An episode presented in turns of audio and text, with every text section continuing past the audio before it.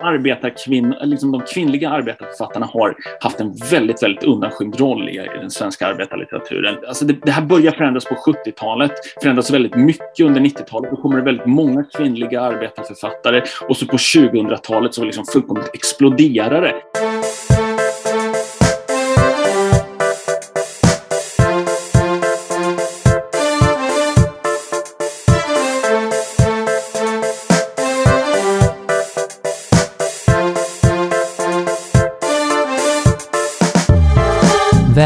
Välkommen till ännu ett avsnitt av podcasten Arbetarlitteratur.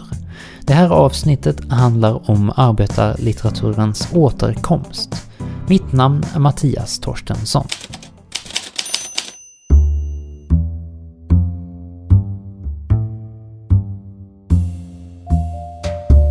Rasmus Landström är litteraturkritiker. Nyligen utkom han med boken Arbetarlitteraturens återkomst.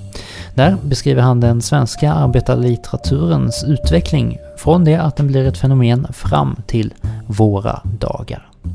Den som vill ha tips på arbetarlitteratur att läsa bör vända sig till den här boken, för här flödar mängder med titlar förbi. Rasmus har i stort sett läst all arbetarlitteratur som skrivits. Ja, det är åtminstone intrycket man får efter att ha läst hans bok. Här nämns böcker från arbetarlitteraturens genombrott på 30-talet, 70-talets intellektuella författare, 90-talets folkhemsromaner och 2010-talets arbetsplatsskildringar. Med alla dessa böcker och författare målar han arbetarlitteraturens historia, förklarar dess sammanhang och hjälper oss att förstå vår historia och samtid genom litteraturen. När jag ringer upp Rasmus ber jag honom inledningsvis att beskriva på vilket sätt han anser att arbetarlitteraturen har återkommit, för det är ändå titeln på hans bok. Ja, specifikt så syftar ju egentligen den här liksom, själva återkomsten på den litteraturen som kommer efter 2010-talet egentligen. Efter 2000, ja, någonstans där 2008-2009 så hände ju någonting med arbetarlitteraturen. Först kanske man ska säga så här att arbetarlitteraturen har ju skrivit, den började skrivas i Sverige på 1880 1890-talet och har liksom skrivits hela tiden sedan dess. Men, eh, det, men den har ju haft, har ju varit, det har ju varit en konjunktur så att säga. Ibland har det varit har det varit en lågkonjunktur och ibland har det varit en högkonjunktur för litteraturen. Och det som sker under 2000-talet och framför allt efter 2008-2009 däromkring, det är eh, det sker en väldigt högkonjunktur för arbetarlitteraturen. Och det som händer, som framför allt händer då, det är att det sker en vändning mot samtiden i, i den. Att man, samtida arbetarförfattare börjar skriva om liksom den samtida arbetsmarknaden, det samtida klassamhället eh, och, och det, samtida, ja, det samtida samhället i stort kan man säga. Varför tror du att en eh, sådan typ av litteratur kommer just då? Eh, ja, det, det, finns ju så, såklart en mängd förklaringar till varför, varför arbetarlitteraturen eh, bryter igenom så starkt då. Eh, eh, en är ju att, att en, som jag, en förklaring som jag tror är ganska viktig är att det finns en oskildrad verklighet eh, eh, liksom av ett land som har, som har förändrats eh, otroligt mycket under, under egentligen bara några decennier. det här, vad ska man säga, den här väldigt starka välfärdsstaten, folkhemmet om man så vill, eh, har helt plötsligt blivit ett, ett land som, som, som är ett paradis för de superrika där vi liksom har liksom flera dollarmiljardärer per invånare än vad USA och, och, och, och, och, vad heter det? ungefär som Sydafrika, lika mycket dollarmiljardärer per 100 000 invånare som Sydafrika. Eh, och en liksom sönderprivatiserad offentlig sektor, eh, en liksom marknadsskola som är helt åt skogen och det är ingen, nog ingen slump att ganska många arbetarromaner handlar just om skolan. Ehm, och, och, och, och en, en, ett Sverige där liksom den relativa fattigdomen har, har liksom fördubblats egentligen under ett par decennium. Eh, Eh, och det här är, alltså arbetarlitteraturen är ju en väldigt rik och väldigt mångfacetterad tradition i Sverige som erbjuder väldigt många liksom former. Eh, traditionen erbjuder väldigt många former eh, för, för författare eh, att använda. Och så. så jag tror liksom en kombination av att vi har en väldigt, väldigt stark tradition och att det är en väldigt, liksom att samhället förändras väldigt, väldigt mycket på en ganska kort tid. Vad utmärker då den moderna arbetarlitteraturen?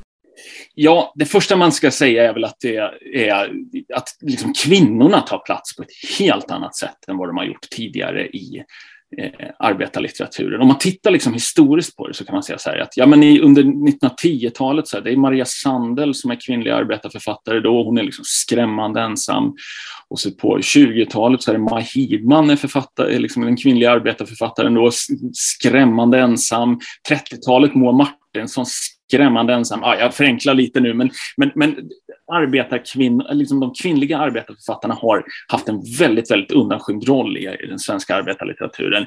Men under, i början, liksom, alltså det, det här börjar förändras på 70-talet, förändras väldigt mycket under 90-talet. Då kommer det väldigt många kvinnliga arbetarförfattare och så på 2000-talet så liksom fullkomligt exploderar det. Och jag skulle säga att idag så är det fler eh, liksom kvinnliga arbetarförfattare än manliga arbetarförfattare. Och det är något liksom fullkomligt nytt. Hur ska man förklara det?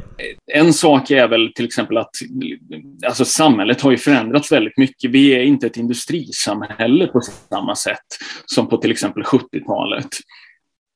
Eh, eh, den offentliga sektorn har vuxit väldigt mycket. Eh, trots att den har blivit sönderprivatiserad så har den också vuxit och den har blivit väldigt mycket, väldigt, liksom, mycket mer central i samhället än vad den har varit tidigare. Dessutom så tror jag också att det finns en aspekt av att kvinnor har liksom blivit den, den, kvinnor har stått i centrum för liksom vänsterns samhällsanalys på ett helt annat sätt eh, från, från 90-talet och framåt. Eh, egentligen från att Gudrun Schyman tar över så, så, så, så, så är liksom kvinnor i den offentliga sektorn är liksom de nya, vad ska man säga, det är den nya idealarbetaren skulle man kanske kunna säga. Eh, eh, så det, det, är en aspekt av det. Men sen är det väl också att det finns ett liksom, skrämmande tomrum i litteraturen. Eh, där, där liksom den kvinnliga erfarenheten av att, av, att, av att dubbelarbeta, dels ta hand om ett hem och dels ta hand om, om ett lönearbete, att den erfarenheten den är liksom undergestaltad i skönlitteraturen. Du var inne på en annan grej som utmärker arbetarlitteraturen. Ja, jag kan, jag, precis, jag, kan säga, jag kan säga två saker till som jag tycker är centrala. Den, den, andra är, är prekariatets betydelse, alltså det som den osäkra klassens, eh, vad ska man säga, nästan dominans utav, i den samtida arbetarlitteraturen. Det handlar ju väldigt, väldigt mycket om människor som kanske har högskoleutbildning, universitetsutbildning eh, eh och som ska ge sig ut på en arbetsmarknad som är där det råder hög arbetslöshet och där det är liksom svårt att få jobb.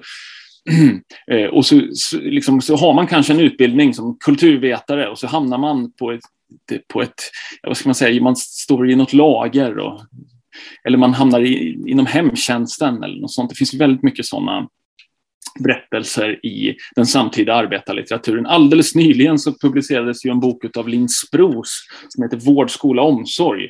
Ganska eh, lättsam bok, nästan som en melodram som skildrar en kvinna som är disputerad och som liksom lackar på hela den här akademiska världen. Och så söker hon sig till hemtjänsten eh, istället och börjar utbilda sig till sjuksköterska. Hon liksom byter karriär kan man säga.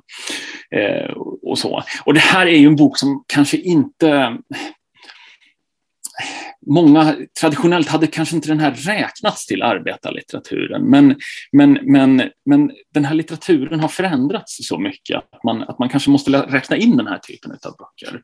Eh, och, så. och jag argumenterar i alla fall för det i min, i min bok. Då.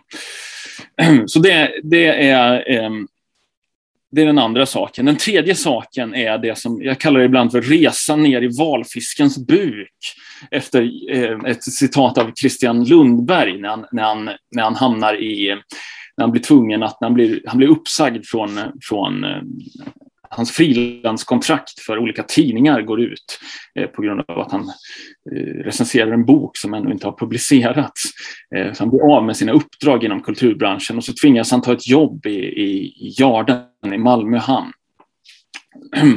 Eh, eh, och, så. och då liksom beskriver han en, en eh, han, han, kallar det för ett klassmörker som han upplever där.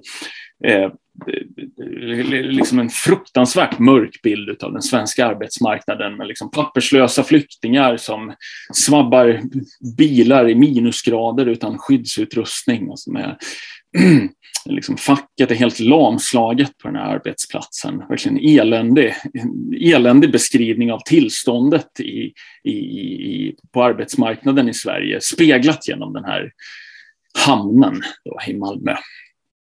Eh, och så så, så, så det, det, den här, alltså det, det, är en väldigt, väldigt mörk litteratur kan man säga.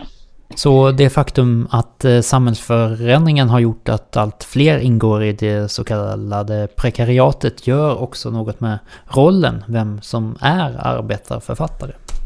Ja, nej men verkligen. Det är, så är det ju. Det, här finns det ju inte heller något entydigt svar på vem är arbetarförfattare idag. Och det vill jag också understryka att det är, har inte funnits heller. Det har ju varit ett, verkligen ett trätoämne, eh, vem som är arbetarförfattare. Är det de som fortfarande arbetar? Eh, och så, då är det ju skrämmande få författare, för det är väldigt svårt att sköta ett heltidsarbete där du sliter ut kroppen och sen komma hem och skriva liksom, romaner. Det är inte särskilt många som har gjort det. Eh, och så. Men jag vet inte, när jag försökt koka ner det här, vad är en arbetarförfattare idag?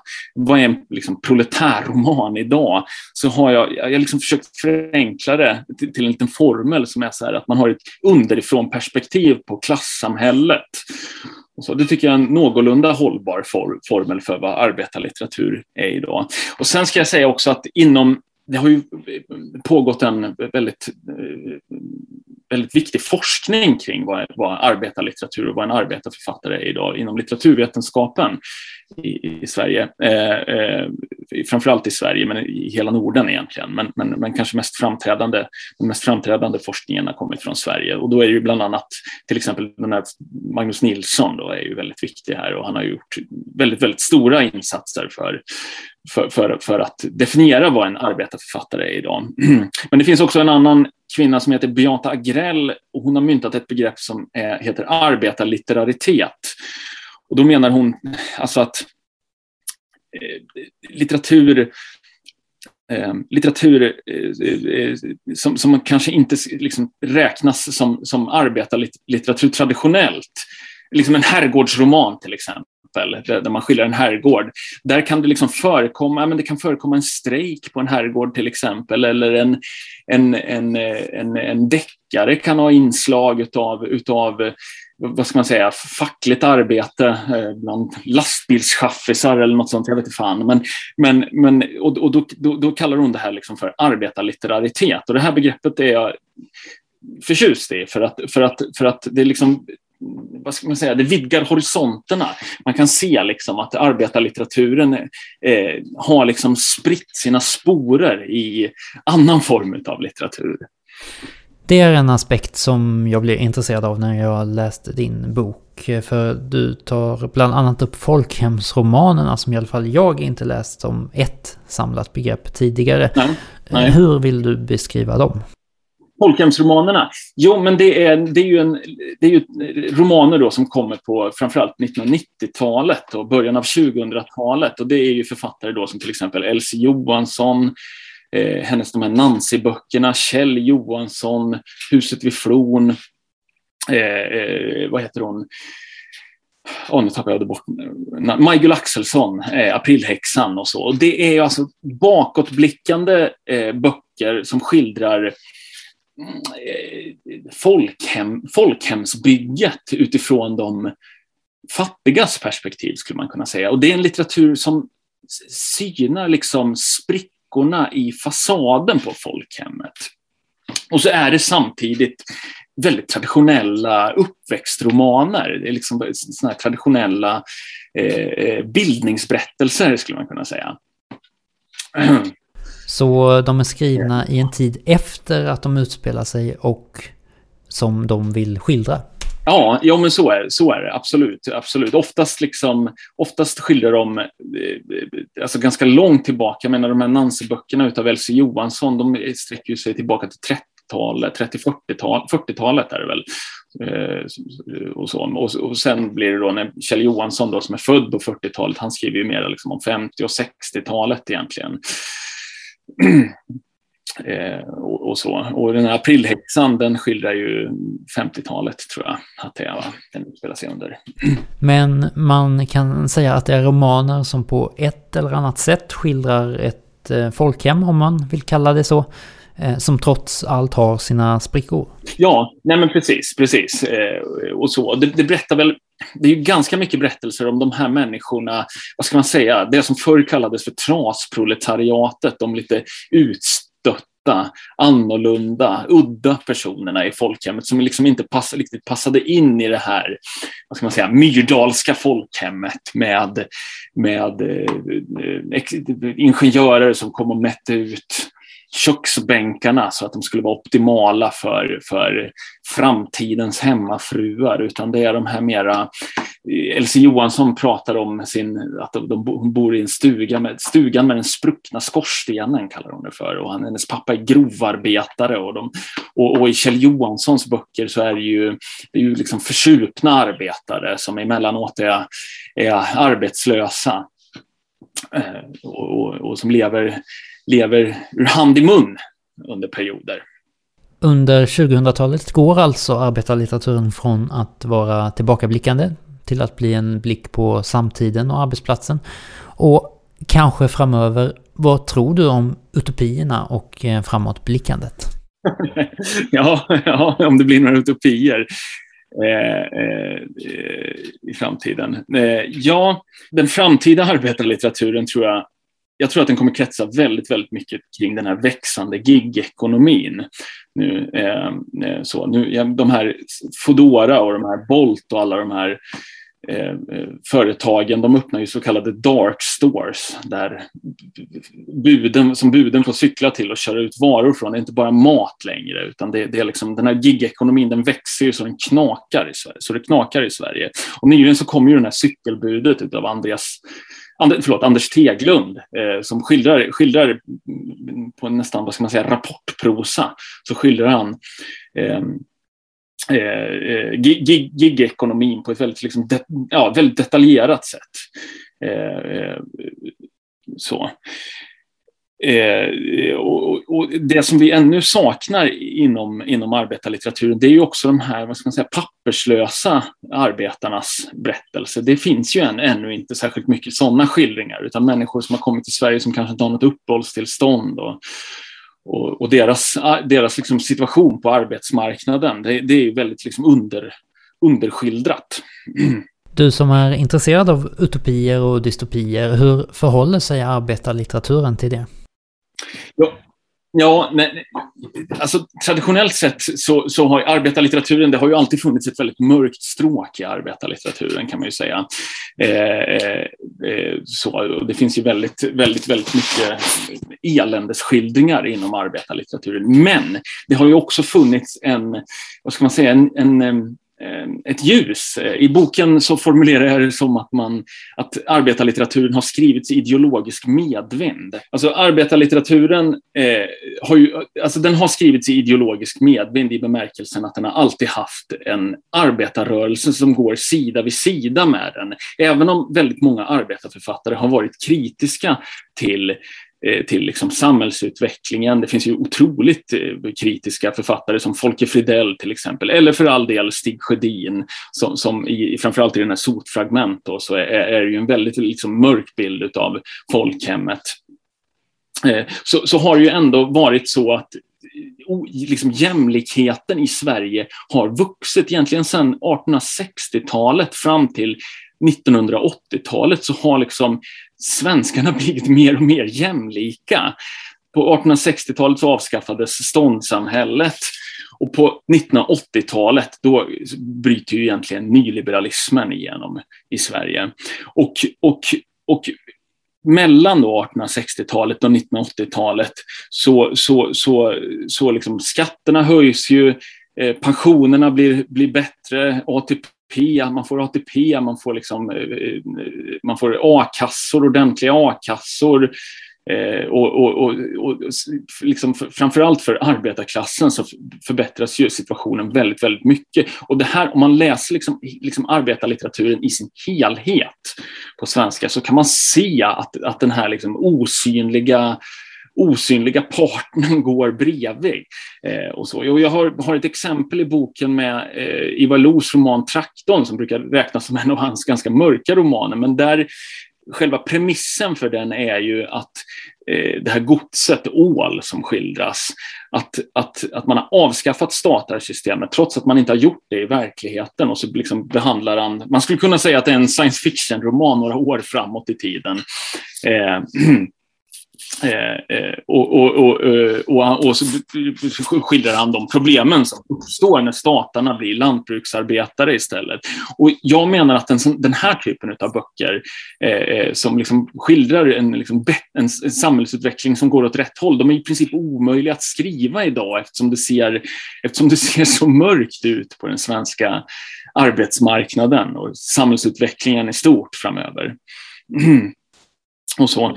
och sen kan man väl också säga att, att ähm, eh, arbetarförfattarna har ju varit väldigt förtjust, förtjusta i eh, att skriva, väldigt många alltså, arbetarförfattare har skrivit science fiction vid sidan av arbetarlitteraturen. Aniara eh, av Harry Martinson är väl det mest kända exemplet, men det finns flera andra exempel. Gustav Sandgren, Ivar Lo skrev en arbetar en, en slags arbetar-science fiction där, där, där, där, där ingen behöver arbeta längre. Och, och, och eh, Gustav Sandgren har skrivit science fiction också. och så. Och, och, det är en hel del dystopier, men det finns också ljusare skildringar då, som, som Ivar Los bok, den heter eh, Elektra, tror jag att den heter. Eh, det finns liksom ljusare berättelser om, om framtiden och den typen av böcker, eh, den här, liksom, vad ska man säga, ljusnande horisonten, den syns inte längre i arbetarlitteraturen. Jag tänker på en annan känd typ av romaner på 2000-talet. Det är ju deckarromanerna. Eh, hur har arbetarlitteraturen förhållit sig till dem? Ja, jag tror att det har varit ganska mycket en förlagsgrej det här med att Eh, eh att, att arbetarförfattarna, under 90-talet framförallt, så, var det ju, så ropade ju förlagen ut att Eh, deckar, eh, deckarförfattarna skriver den nya arbetarlitteraturen. Och Bernt Olof Andersson berättar ju bland annat i sin bok den, här, den osynliga nåden om hur förlaget försökte övertala honom att skriva en deckare i arbetarmiljö. Då. Men det finns ju många av de här, Aino Trosell och Kjell Eriksson skrev, skrev liksom ett slags arbetardeckare. Och, så. och det var ju en ganska, det var ju en vital genre får man säga under 90-talet. Och så, men det fanns ju en hel del problem med, med deckar, arbetardeckaren. För den är ju väldigt, väldigt, eh, deckargenren är ju väldigt, det handlar ju väldigt, väldigt ofta om att samhällsutvecklingen går åt fel håll och, och liksom allt rasar samman och det är liksom massa onda personer eh, uppe på toppen i, i samhällstoppen som liksom roffar åt sig det de kan och skiten sipprar neråt. Kriminalromanen bär på en väldigt, väldigt mörk samhällsbild som också finns i arbetarlitteraturen, men jag tror att deckargenren begränsar arbetarförfattarna till att liksom bara hänge sig åt, åt, åt liksom mörkret i samtiden. Hur eh, fastnade du själv för arbetarlitteraturen? Jo, men det, det, var, alltså, Ivar Lo Johansson har ju alltid varit en, han, han, det har varit en följeslagare eh, till mig. Eh, och jag har läst samtliga böcker av honom och, och, har många av hans böcker som favoritböcker. Godnatt jord till exempel tycker jag är, liksom, det är den stora svenska arbetarromanen om jag får välja. Eh, och så. Men sen läste jag också Kjell Johanssons eh, böcker under en formativ period. Eh, framförallt de här 80 och 90-talsböckerna som är väldigt experimentella. Det är väl, vad ska man säga, han är den stora postmodernismen inom arbetarlitteraturen. Det skulle han inte gilla att jag sa. Gilla, det skulle han nog inte gilla att jag sa, men, men, men, men så är det ändå. Eh, så de här, de här två författarna var otroligt betydelsefulla eh, för, för mig. Eh, och så. Men sen läste jag också Magnus Nilssons forskning. Eh, han har ju skrivit väldigt mycket, vad ska man säga, essäer om den samtida arbetarlitteraturen. Och när jag läste dem så liksom såg jag de här, men innan så hade arbetarförfattarna varit ett slags stjärnor utan stjärnbilder, men han liksom satte ihop de här stjärnbilderna åt mig. Så jag såg, så jag såg liksom, det, var, det, var, det var så jag fick syn på hur liksom mycket bra arbetarlitteratur det fanns i samtiden. Ja. Vad ska du läsa härnäst? Vad jag ska läsa härnäst? Ja, just nu håller jag ju på väldigt mycket med eh, science fiction-författare och eh, utopier. Det är ju den andra sidan av den eh, socialistiska konsten. Om arbetarlitteraturen står för, här, liksom, står för diskbänksrealismen, om man får förenkla det lite, så, så, står, så, är liksom de, eh, så, så, har science fiction-traditionen, eller science fiction-fältet, den har liksom väl den, den, den mera utopiska eh, delen utav, utav socialismen i skönlitterär gestalt, skulle man kunna säga. Din bok eh, Arbetarlitteraturens återkomst har ju fått väldigt eh, mycket uppmärksamhet och ett fantastiskt mottagande. Vad säger du om det? Ja, ja det var väldigt oväntat att den, att den, att den skulle bli så läst eh, som den har blivit och, och, att den skulle bli så recenserad också. Men ja, det finns väl ett behov av att liksom någon pusslar ihop sam, att någon, någon liksom pusslar ihop tendenser i samtidslitteraturen, tror jag. Det är kanske en förklaring till att, att, att den har fått så pass, ett så pass stort eh, genomslag ändå.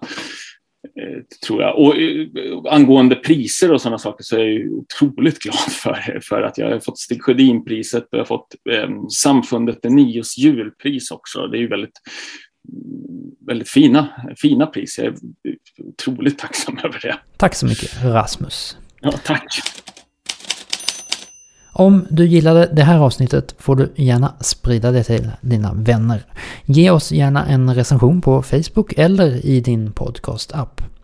Vi är tillbaka snart igen, då med ett avsnitt om en arbetarförfattare som inspirerat en stor del av våra samtida författare. Det handlar om järnverksarbetaren och poeten Stig Sjödin. Prenumerera på den här podden i din podcastapp så missar du inte det. Tack för att du lyssnat. Vi säger så.